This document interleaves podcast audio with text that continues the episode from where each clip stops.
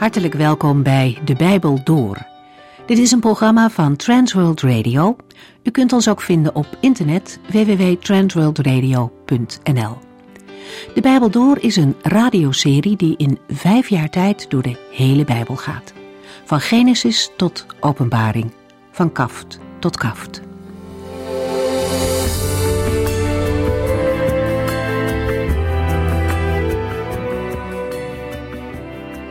Vandaag lezen we uit Openbaring hoofdstuk 1. In een van de eerste versen groet Johannes zijn lezers met de woorden: Genade en vrede zij u van hem die is, en die was, en die komt. Dat zijn bekende woorden, maar ook woorden met een diepe inhoud. Vrede en genade van de Heere God. Dat is wat we nodig hebben in het leven van alle dag. Het zijn dingen die mensen ons niet kunnen geven en die we ook in onszelf niet kunnen vinden. God is de bron van vrede en van genade en Hij wil het aan ons geven. Dat is een zegen. Zoals de Heere in het verleden mensen zegende, zo doet Hij dat vandaag ook en ook in de tijd die nog komt. Hij kan dat doen omdat Hij er altijd zal zijn. Johannes benadrukt in dit hoofdstuk dat de Heere de eerste en de laatste is. Die was, die is en die komen zal. Johannes schrijft in eerste instantie aan zeven gemeenten in Azië. Zij zijn representatief voor alle gemeenten in Klein-Azië en ook voor de christelijke kerk in het algemeen. Het getal zeven in de Bijbel geeft altijd een volheid aan. Vervolgens wordt de Heer Jezus omschreven met alweer zeven verschillende titels. U kunt ze nalezen, maar één ervan haal ik er even uit. Hem die ons lief heeft. Dat typeert de Heer Jezus. Hij heeft ons lief, hij houdt van zijn gemeente. Dit Bijbelboek vertelt ons veel over de oordelen van God over de wereld. Er staan verschrikkelijke dingen te gebeuren. Maar als christenen hoeven we daar niet bang voor te zijn. We mogen zeker weten dat Christus van ons houdt. Hij gaf zijn leven voor ons. Meer kon hij niet geven. Op basis van dat offer mogen wij delen in zijn overwinning. Als de oordelen komen, als het einde definitief is, dan horen we bij Christus en zijn we veilig. We lezen verder uit Openbaring 1 en beginnen bij vers 9.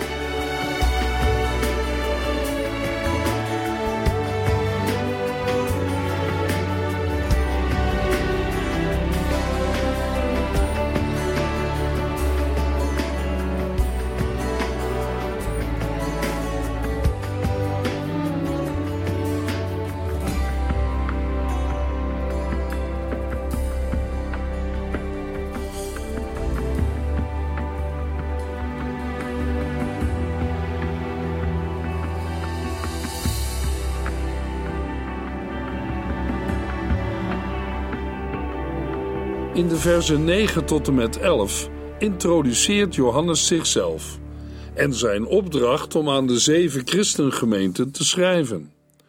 Hoewel Johannes een boodschap van de Heere zelf heeft en in die zin regelrecht namens God spreekt, weet hij zich tegelijkertijd nauw verbonden met het lot van zijn medegelovigen, zoals blijkt uit de woorden van vers 9 over het delen in het lijden omwille van het koninkrijk van Jezus. Uit het slot van vers 9 blijkt de volharding en trouw van Johannes, maar ook van de christenen waaraan hij schrijft. We lazen er: Net als u blijf ik hem trouw, dwars door alles heen. In de vorige uitzending stonden we al stil bij twee hoofdonderwerpen van het Bijbelboek Openbaring namelijk lijden en het koninkrijk van Jezus. De gemeente van Christus zal door vele verdrukkingen het koninkrijk van God binnengaan. Net als Johannes hebben ook de zeven christengemeenten in Klein-Azië te maken met lijden, verdrukking, vervolging en tegenstand. Maar dat zal in de eindtijd tot een climax komen onder de regering van de Antichrist. Het koningschap kenmerkt nu al het bestaan van de gelovigen, maar zal pas volkomen worden met de wederkomst van Jezus Christus. Daarom moeten hij en alle andere christenen trouw blijven, volharden, dwars door alles heen. Johannes was namelijk naar het eiland Patmos verbannen, omdat hij de mensen over God en Jezus Christus had verteld. Hij was er niet op retraite of om het evangelie te verkondigen. Eilanden aan de zuidwestkust van Klein-Azië werden door de Romeinen gebruikt als verbanningsoord voor mensen die volgens hen een gevaar vormden voor de samenleving. Openbaring 1, vers 10 en 11. Op de dag van de Heere kwam de geest over mij. Ik hoorde een luide stem die klonk als een bazuin achter mij zeggen: Schrijf alles wat u ziet in een boek en stuur dat naar de zeven christengemeenten: Efeze, Smyrna, Pergamum, Thyatira, Sardes, Philadelphia en Laodicea. Johannes zegt niet: Ik was in de geest, maar de geest kwam over mij. We lezen het ook in Openbaring 4, vers 2. Daarbij gaat het om een geestelijke ervaring die ook Petrus en Paulus hadden, en die wordt aangeduid als buiten zichzelf raken of een visioen. Een ervaring die geen betrekking heeft op het lichaam, maar plaatsvindt door de Heilige Geest. Johannes geeft precies aan op welke dag het gebeurde, namelijk op de dag van de Here.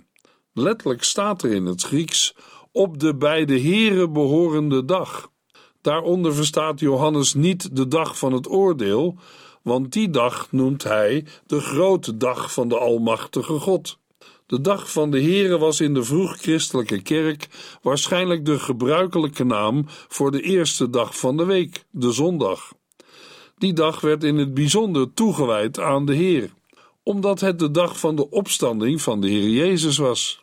Johannes hoorde achter zich een luide stem die klonk als een bazuin. De woorden doen denken aan een ervaring die Ezekiel had in Ezekiel 3, vers 12, waar we lezen: Toen tilde de geest mij op en hoorde ik als met een geweldig geruis de woorden: Geprezen zij de heerlijkheid van de Heere vanuit zijn woning. Door de wijze waarop Johannes zijn ervaring beschrijft, krijgen zijn visioenen een profetisch gezag dat gelijk is aan dat van de oud-testamentische profeten. Over van wie de stem nu precies is, hebben we in de vorige uitzending gesproken. Openbaring 1, vers 11. Schrijf alles wat u ziet in een boek en stuur dat naar de zeven christengemeenten: Efeze, Smyrna, Pergamum, Thyatira, Sardes, Philadelphia en Laodicea. Net als Jezaja wordt Johannes gevraagd om de dingen die hij ziet en hoort op te schrijven. We lezen in Jesaja 30 vers 8 en 9 dat de Heere tegen de profeet Jezaja zegt: Ga nu en schrijf op wat ik zeg over Egypte, zodat het tot het eind der tijden vaststaat. Want als u het niet opschrijft, zullen zij zeggen dat ik hen nooit heb gewaarschuwd. Wel nee, zullen zij zeggen, dat heb u ons nooit verteld. Het zijn koppige rebellen. Voor Johannes wordt de opdracht om alles in een boek te schrijven een aantal keren herhaald. Uit deze herhaling blijkt dat we de opdracht tot schrijven mogen betrekken op het hele Bijbelboek Openbaring. Johannes introduceert zichzelf niet als de schrijver van een brief of een boek, maar als de ontvanger en doorgever van een boodschap die aan hem geopenbaard is. Hij moet alles wat hij ziet in een boek schrijven en naar de zeven christengemeenten sturen. De opdracht schrijf en stuur is een opdracht die inhoudelijk op hetzelfde neerkomt als de opdracht ga en zeg aan de oud-testamentische profeten. Met de woorden schrijf en stuur krijgt de boodschap van Johannes een goddelijke legitimatie. Bijbeluitleggers hebben zich afgevraagd waarom juist deze zeven christengemeenten genoemd worden en geen andere, zoals bijvoorbeeld Troas, Hierapolis of Colosse. Het is blijkbaar niet de bedoeling alle bestaande christengemeenten in Klein-Azië te noemen, maar alleen een representatief aantal. Het is verder van belang op te merken dat de keuze voor deze zeven christengemeenten wordt gemaakt door de Heer Jezus zelf en niet door Johannes. De Heilige Geest verricht hier zijn werk. De Heer Jezus Christus zegt zelf over de Heilige Geest in Johannes 16, vers 13 tot en met 15: Maar als de Heilige Geest komt, zal Hij jullie de weg wijzen naar de volledige waarheid. Wat Hij jullie zal zeggen, heeft Hij niet uit zichzelf, maar Hij geeft door wat Hij hoort, en Hij zal bekendmaken wat komen gaat. Door jullie te vertellen wat Hij van mij hoort, zal Hij mij verheerlijken. Alles wat van de Vader is, is ook van mij. Daarom zeg ik dat Hij alles wat Hij van mij hoort aan jullie zal vertellen. Daarom moeten gelovigen zich richten op de Heer Jezus Christus. We lezen in Hebreeën 3, vers 1 de aanmoediging: Broeders en zusters, God heeft u voor zichzelf afgezonderd en u uitgekozen om u met ons een hemelse bestemming te geven. Daarom wil ik dat u uw aandacht richt op Jezus, de apostel van God en de hoge priester van ons geloof. Johannes krijgt opdracht van zijn meester. Schrijf alles wat u ziet in een boek en stuur dat naar de zeven christengemeenten: Efeze, Smyrna, Pergamum, Thyatira, Sardes, Philadelphia en Laodicea. Efeze, in die tijd een stad met ongeveer 200.000 inwoners, is in de tijd van Johannes het belangrijkste economische centrum van de Romeinse provincie Azië en de eerste van de zeven steden die we nu willen beschrijven. Efeze ligt aan de monding van de rivier de Keister. Een moderne weg van wel 11 meter breed verbindt de schitterend gelegen stad met de haven, enkele kilometers verderop. Efeze bezit een groot theater met ongeveer 25.000 zitplaatsen. Ook zijn er badhuizen en er is een groot plein, de Agora. De straten zijn goed begaanbaar. In het centrum staat een grote tempel gewijd aan keizer Domitianus. De tempel heeft een grondoppervlak van 50 bij 100 meter en bevat een kolossaal beeld van keizer Domitianus. Twee kilometer ten noordoosten van de stad vinden we een van de zeven wereldwonderen.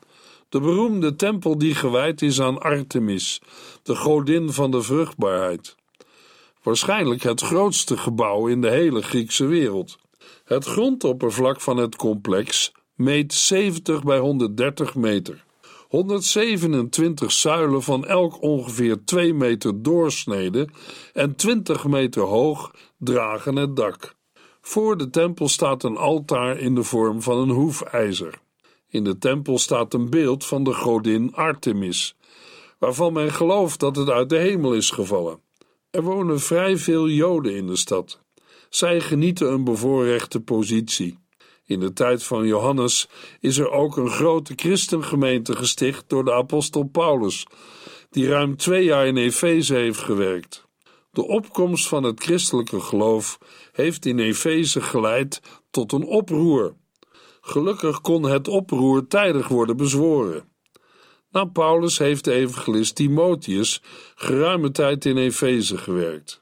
De tweede stad die we tegenkomen op onze rondreis door de Romeinse provincie Azië in de tijd van Johannes is Smyrna, een stad met 100.000 inwoners. De stad ligt ongeveer 65 kilometer ten noorden van Efeze.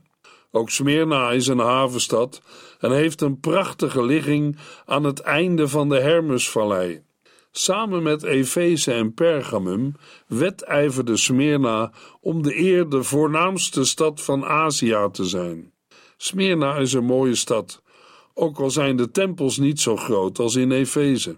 Door de Hermesvallei loopt een belangrijke handelsroute naar het oosten. Het achterland is erg vruchtbaar. De wijn uit de streek is goed en beroemd. De openbare gebouwen zijn een bezienswaardigheid. Er zijn tempels voor de godin Roma en de god Asclepius. Er is in Smyrna ook een Joodse gemeenschap. De derde stad, die door Johannes wordt genoemd, is Pergamum. Vanaf Smyrna zijn we dan verder naar het noorden gereisd. Pergamum ligt strategisch aan het einde van de brede Caicusvallei. De stad werd belangrijk als hoofdstad van het koninkrijk van de Attaliden. Zij versterkten de opvallende stadsburg of Acropolis. Deze stadsburg stak 400 meter boven de vallei uit. De Romeinen maakten de stad na hun overwinning op de Ataliden tot hoofdstad van de provincie Asia. In Pergamum zetelt de proconsul, die een vrijwel onbeperkte macht heeft. De stad is verder bekend vanwege de vervaardiging van leer, dat geschikt is om te beschrijven, namelijk perkament. Pergamum is een groot godsdienstig centrum. Er zijn heiligdommen ter ere van Rome en Augustus en het altaar voor Zeus, die heiland wordt genoemd. Deze heiligdommen domineren heel de Acropolis. Verder zijn er tempels voor de god Dionysus en de godin Athena. Het heiligdom van Asclepius trekt veel bezoekers die genezing zoeken. Als vierde stad lezen we in vers 11 Thyatira, een stad in de binnenlanden van de provincie Azië. Haar welvaart dankzij aan de handel. De stad ligt op een kruispunt van wegen. Van noord naar zuid loopt de weg van Pergamum naar Laodicea en vanuit Thyatira zijn ook oostelijke provincies goed te bereiken. Er is veel bedrijvigheid, zoals het verven van stoffen en de fabricage van kleding, aardewerk en bronzen voorwerpen. Gilden zijn in Thyatira erg belangrijk. Er zijn genootschappen van kleermakers, bakkers, leerlooiers, handelaren, schoenmakers, ververs van kleding en kopersmeden. Sardis is de vijfde stad en ligt meer naar het zuiden. Eeuwen geleden was het een rijke stad onder de regering van koning Croesus. In het jaar 17 na Christus werd de stad door een zware aardbeving getroffen. Onder de keizers Tiberias en Claudius werd de stad herbouwd. Maar Sardes heeft nooit meer iets van zijn oude glorie herwonnen. Een bezienswaardigheid is de grote synagoge in het centrum van de stad. Het is duidelijk dat de grote en sterke Joodse gemeenschap in Sardes bepaalde voorrechten heeft, omdat meestal de synagogen aan de rand van de stad werden gebouwd. Als zesde stad wordt Philadelphia genoemd. De stad ligt aan het einde van de vallei die via Sardes naar Smyrna en de zee loopt. Ten oosten ligt een vruchtbare hoogvlakte die de stad haar welvaart heeft gegeven. Philadelphia heeft geregeld te lijden van aardbevingen en is net als Sardes verwoest door een zware aardbeving in het jaar 17 na Christus. Veel mensen leven sindsdien buiten de stad.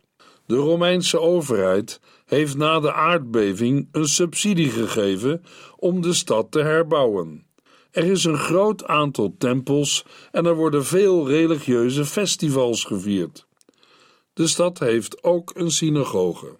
De laatste en zevende stad die wordt vermeld is Laodicea. Het is een bloeiend handelscentrum en ligt in de vruchtbare Lycusvallei, dicht bij de steden Hierapolis en Colosse. Laodicea ligt aan een belangrijk kruispunt van wegen. De oost-westroute verbindt Iconium in het oosten met Efeze in het westen. De andere weg loopt van Pergamum in het noorden naar de zuidkust en de stad Atalia. In Laodicea wordt geld gewisseld in verband met de handel en kleding gemaakt van glanzende zwarte wol. Bekend is het medisch centrum voor oogheelkunde. Ook in Laodicea is een grote Joodse gemeenschap. De ligging van de stad heeft één groot nadeel: er is geen vers drinkwater. Dat moet daarom aangevoerd worden vanuit warme bronnen ten zuiden van de stad en komt vervolgens lauw in Laodicea aan. Bij de bespreking van Openbaring 2 en 3 zullen we nog dieper ingaan op de specifieke kenmerken van de verschillende steden. Openbaring 1, vers 12 en 13. Ik keerde mij om, want ik wilde zien wie dat zei. En ik zag zeven gouden kandelaars, en daartussen stond iemand die eruit zag als een mensenzoon. Hij droeg een lang kleed dat tot op zijn voeten hing, en had een gouden band om zijn borst. Johannes keerde zich om, omdat hij wilde zien wie er met hem gesproken had. Maar Johannes ziet iets heel anders dan hij verwachtte. Het eerste wat hij ziet is geen persoon, maar het licht van zeven gouden kandelaars. Het beeld van de kandelaars herinnert aan een visioen van Zacharia en aan de zevenarmige kandelaar die in het heilige van de tabernakel stond. Toch is er een belangrijk verschil. In het Oude Testament gaat het om één kandelaar met zeven armen. Hier gaat het om zeven afzonderlijke gouden kandelaars. In het Oude Testament wordt het ene volk van God, Israël, vertegenwoordigd door die ene zevenarmige kandelaar. De Nieuwtestamentische gemeente is uiterlijk niet één volk, zoals het volk Israël, maar elke plaatselijke gemeente wordt vertegenwoordigd door één kandelaar en vertegenwoordigt de volheid van de universele gemeente van Christus, de kerk. Bovendien wordt de eenheid van de gemeente van Christus niet gevonden in haar organisatie, maar in haar relatie tot Christus. De gemeenten staan om hem heen. We lazen: daartussen stond iemand die eruit zag als een mensenzoon. De functie van een kandelaar is het verspreiden van licht in een donkere wereld. Het zijn woorden van de Heer Jezus zelf in Matthäus 5, vers 14 tot en met 16. U bent het licht van de wereld. Een stad op een berg kan iedereen zien. Men steekt immers geen lamp aan om er vervolgens een emmer overheen te zetten. Die lamp moet toch op een standaard staan en licht geven voor iedereen in huis? Laat daarom ook uw licht voor alle mensen schijnen. Als zij dan de goede dingen zien die u doet, zullen zij uw hemelse Vader eren. We lazen in vers 13. Daartussen stond iemand die eruit zag als een mensenzoon. Hij droeg een lang kleed dat tot op zijn voeten hing en had een gouden band om zijn borst. De omschrijving mensenzoon herinnert aan Daniel 7, vers 13, waar we lezen: Daarna zag ik in mijn droom de aankomst van iemand die eruit zag als een mensenzoon. Hij kwam op de wolken van de hemel en werd naar de hoogbejaarde geleid. Johannes moet het op deze manier zeggen om aan te geven dat de verschijning geen mens is, maar een hemelse persoon. Hij droeg een lang kleed dat tot op zijn voeten hing en had een gouden band om zijn borst. Deze woorden hoeven niet noodzakelijkerwijs een verwijzing naar de kleding van de hoge priester te zijn. Een lang kleed is algemeen gebruikelijk en een oosters kenmerk van waardigheid. Ook de gouden band om zijn borst doet niet zozeer denken aan de bonte geweven gordel van de hoge priester, maar eerder aan de gouden gesp van een koninklijk persoon. De gordel op borsthoogte geeft waardigheid aan, in tegenstelling tot de lagere hoogte rond de taille, waarmee iemand zich omgort tijdens het werk. Een vergelijkbare beschrijving van een hemelse verschijning komen we tegen in Daniel 10 en Openbaring 15, waar ook sprake is van linnen kleren en een gouden gordel. Kortom, uit de kleding van de mensenzoon blijkt zijn koninklijke waardigheid. Maar het feit dat hij ook omgeven wordt door kandelaars wijst op zijn priesterlijke functie. We zien in deze persoon de koninklijke en priesterlijke waardigheid verenigd. De toespeling op Daniel 7, vers 13, een tekst over de Messias, geeft al aan wat in de versen 17 en 18 helemaal duidelijk wordt, namelijk dat in Openbaring 1 de opgestane Heere Jezus Christus tot Johannes spreekt. Openbaring 1, vers 14 tot en met 16. Zijn haar was zo wit als wol, zelfs zo wit als sneeuw, en zijn ogen schitterden als vuur. Zijn voeten glansden als brons in een oven, en hij had een stem als een donderende waterval. In zijn rechterhand hield hij zeven sterren. Uit zijn mond kwam een scherp, tweesnijdend zwaard, en zijn gezicht straalde en schitterde als de felle zon.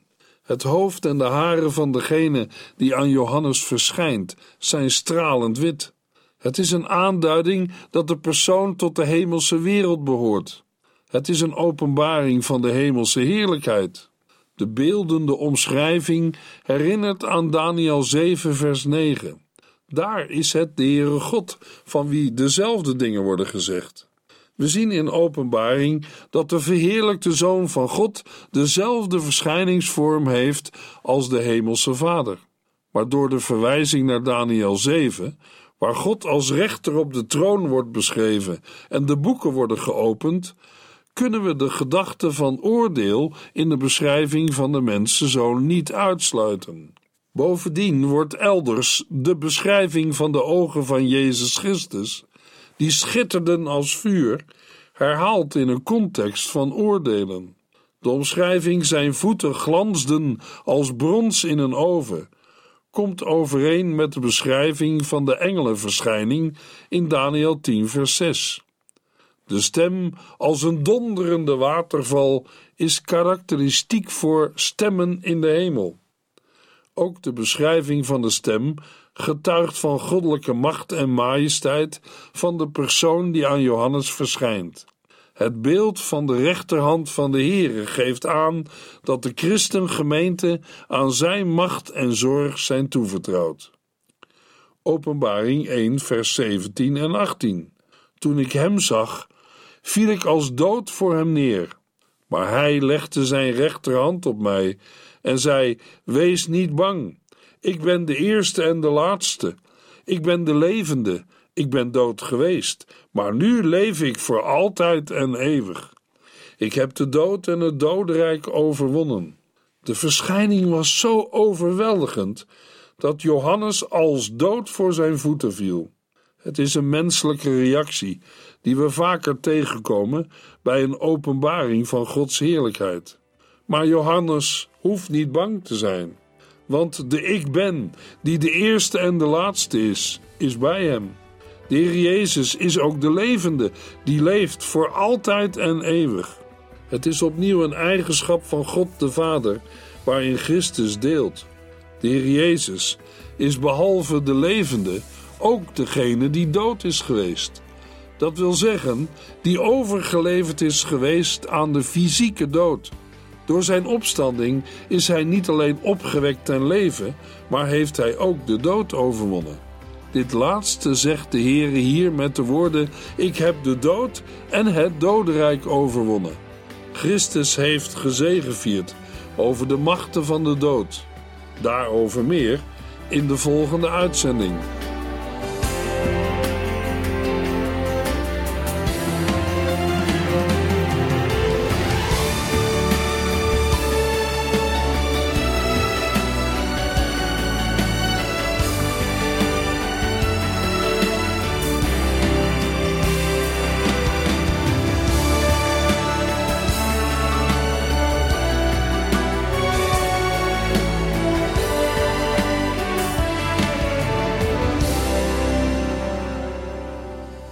Eindigt deze aflevering van De Bijbel Door.